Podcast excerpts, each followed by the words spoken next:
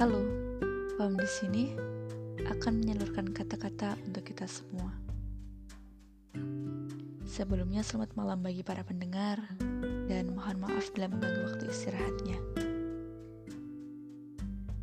Mungkin di antara kalian ada yang berkata begini.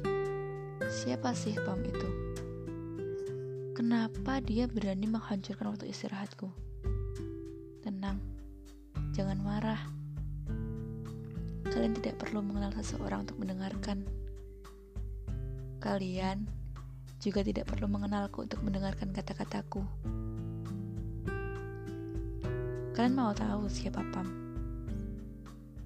Dia itu cuma orang biasa yang dulunya tidak suka bersuara.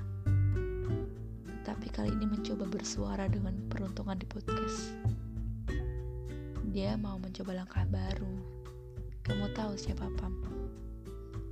Dia adalah gadis yang sekarang sedang berbicara